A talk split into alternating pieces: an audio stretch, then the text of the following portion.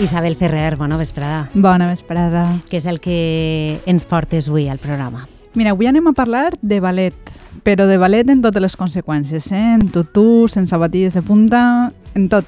Tenim a tot mi el pan. això em sona a molta bellesa el- i elegància. I a tu aquest sona? Sí, també sona a bellesa, a elegància, però avui el que veurem és que això és una cosa que a poc a poc el ballet ha anat adquirint i, i és com el, com el percebem avui.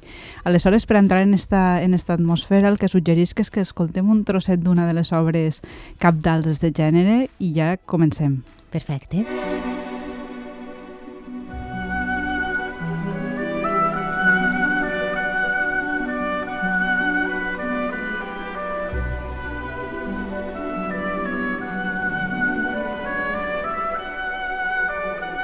Espectacular. Escoltem el llac dels signes de Tchaikovsky.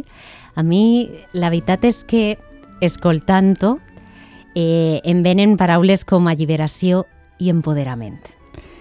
Sí, podria ser, tot i que la història, l'argument que té darrere és, és, és una història d'una manera prou, prou clàssica dins d'aquest tipus de- d'històries i ha arribat a ser una de les peces capdals en, en, en el ballet, un dels grans, dels grans clàssics. I estos dies, si voleu anar a veure'l, el podeu trobar perquè és molt comú en moltes ciutats europees que les companyies russes, com era Tchaikovsky, eh, interpreten obres de Nadal de compositors russos.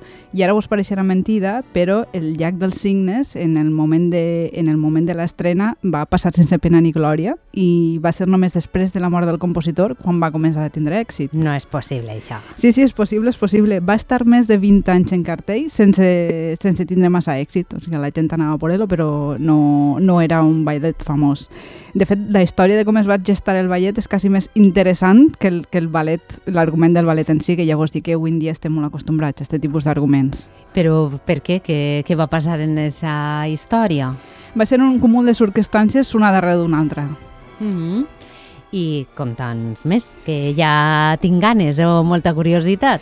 Mira, eh, si voleu fem un salt temporal, se situem en Moscou, ara la música aquesta ara dramàtica, Belfort, estem en Moscou per els anys 1870 i un jove compositor de 25 anyets, Piotr Ilyich Tchaikovsky, acaba d'abandonar la carrera de funcionari ministerial de la Rússia de l'imperi tsarista per a ser professor en el nou Conservatori de Moscou. Mm -hmm.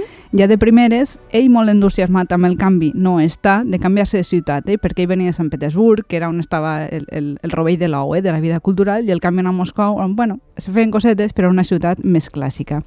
A més de fer classe el conservatori, ell va component cosetes que li van encarregant. I en 1873, encara no està clar com, arri li arriba un encàrrec per a compondre un ballet titulat El llac dels signes. Però ell no havia compost abans ballets? No, no, és el seu primer encàrrec de ballet. Sí que havia compost altres gèneres musicals. I això li entusiasmaria, entenc.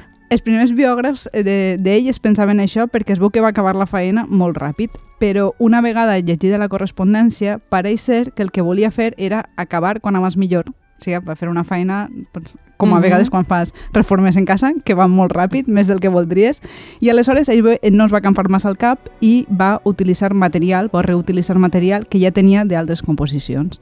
I per a que vegueu la, la quotidianitat un poc en la que va compos, compondre les primeres, les primeres idees del ballet, en una carta al seu germà li diu «Estic treballant en la partitura del ballet que he d'acabar sense falta. Encara em falten dos actes per enllestir.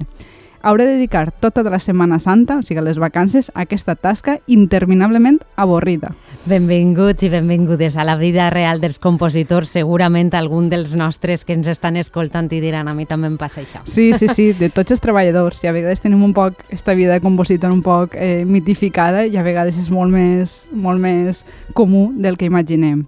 Bueno, jo no he arribat a treure l'aigua clara de quina és la versió, de si va acabar molt ràpid, de si estava cansat, però, si voleu, per entendre un poc el que sentia Tchaikovsky en el moment li van fer l'encàrrec, anem a veure com arriba el ballet a Rússia en, aquella, en aquell moment. Doncs endavant.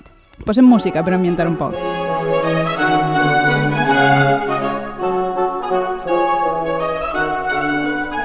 Doncs resulta que el ballet es va originar en la cort francesa i es va desenvolupar en gran mesura a l'entorn del rei Sol, sí, que és el rei Lluís XIV, per al segle XVII, que d'això fa molt de temps. Un dia parlem del rei Sol, que té la seva pròpia història. Però la idea que s'ha de tenir en el cap és que el ballet es relacionava amb l'aristocràcia i amb el poder. Al principi, el ballet eren només xicotes números de ball intercalats en un espectacle, com ara una òpera. Sí, van fer una òpera i posaven trossos de ballet. A poc a poc va començar a néixer el que s'anomena ballet trama, que era un ballet que explicava una història, Mm? una òpera sense paraules. Un dels més famosos es diu La Sílfide, de 1832, i és conegut perquè és el primer que es va portar tutú. Sí, mm -hmm. que estem molt acostumbrats. Si voleu, escoltem un trosset.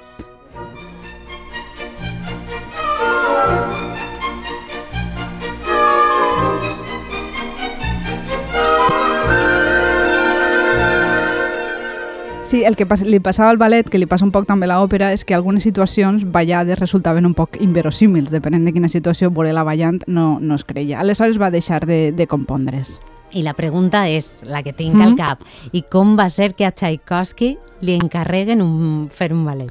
Doncs, com he dit abans, el ballet sempre va anar de la mà de la cort i l'aristocràcia. Així, mentre a Europa cada vegada hi havia més repúbliques, a Rússia seguia havent un imperi governat per sars. I els sars, eh, tota la cort, van pensar, van prendre el ballet com a símbol del poder imperial i com una forma de fer-se autopropaganda. Com una forma de propaganda? Sí, l'imperi rus invertia molts diners en el ballet perquè era una forma de dir, mireu que poderosos som, que tenim diners per fer, per fer ballets. Va crear una escola, va crear el, el teatre Marinsky a Sant Petersburg i portava a treballar els millors professionals. Tota imitació de l'antiga acadèmia francesa. Clar, per això el ballet és francès, però ara totes les companyies, o pràcticament totes, són russes, que per Exactament. cert tindrem el, ball, el ballet rus així al programa si no passa res el dijous. Doncs escolteu-los perquè són els màxims experts de fa molts anys, ja estem veient que de fa més de 100 anys. El que passa és que mentre que a Rússia l'imperi controlava tots els teatres, en el moment de vida de Tchaikovsky, la resta del món, diguem que el que era més, més cool, més estava, era fer música d'òpera i sinfònica, que era el que ell volia compondre com un compositor jove que era. Aleshores, en Rússia el ballet tenia fama de ser música comercial. El que passa és que ell va canviar d'opinió, va començar a escoltar ballets més antics i va mm. començar a pensar que això no era tan, tan, tan avorrit com ell pensava inicialment. El cas és que acaba d'escriure el Llac dels Signes, que recordeu que va ser el seu primer ballet, i es programa l'estrena a Moscou. Però el Llac dels Signes eh, va estar 20 anys en cartell i no va tindre èxit, que és no, el que va passar, no, no, Isabel. Un, un cúmul de problemes. La ballarina que havia de fer el paper principal va ser denunciada per haver furtat unes joies i va haver de ser substituïda. Als crítics la música els va pareixer massa rebuscada i la coreografia dolenta. Els intèrprets no eren massa bons. Algunes ballarines volen demanar fer canvis en la coreografia. Tot un desficaci. un embolic, no? Sí, però sorprenentment, sense ser encara cap èxit, va aguantar 10 anys en cartell i en aquest moment va arribar el gran reformador del teatre rus, que és Marius Petipa, que era el mestre del teatre imperial rus, li va por el filó i va decidir fer algunes xicotetes reformes. El que passa és que quan estaven treballant en això, va i Tchaikovsky, l'home, va i falta, es mor. Sí? Aleshores, la versió que escoltem de Jack de Signes, la coneguda, té algunes reformes, per dir-ho així. Val. I què tenia eixa versió que no les anteriors? Era un poc més breu, la nova coreografia sembla ser que era espectacular, havien fet un final molt més dramàtic, l'acompanyaven millors professionals. Aleshores, Tchaikovsky també havia canviat, havia passat de ser un compositor jove a ser un compositor ja madur, que havia fet altres ballets i havia fet altres grans èxits, èxits com el que escoltarem a continuació.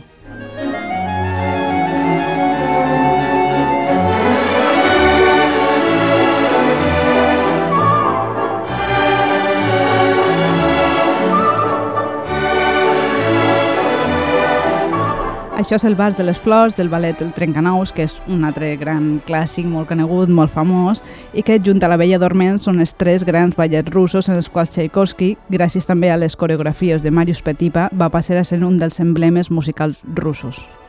Impressionant, la veritat. Isabel, Explicat així coses... ràpid, sí. Sí, aleshores eh, ja tinc algunes conclusions. Com mm. que el ballet és rus, però el seu origen era francès. Exacte. Que Tchaikovsky va passar tota una setmana santa treballant, que sí. va ser el seu primer ballet, el que li encarregaren, i també m'he quedat en això, en totes les, les desgràcies o desavenències que tingueren en el llac dels signes, mm -hmm. i que va estar 20 anys en cartell i sí. que no va tindre èxit.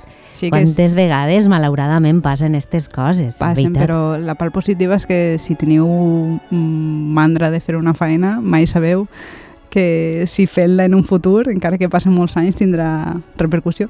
Clar, suposa també que en el món de la composició tindre la tranquil·litat i saber que al final les coses arriben és molt i molt important. És important. I viure sense referent. ansietat, no? Sí, sí, sí. Quan hem d'aprendre. Doncs moltes gràcies. A vosaltres. Isabel, per la teua secció, com sempre, molt interessant.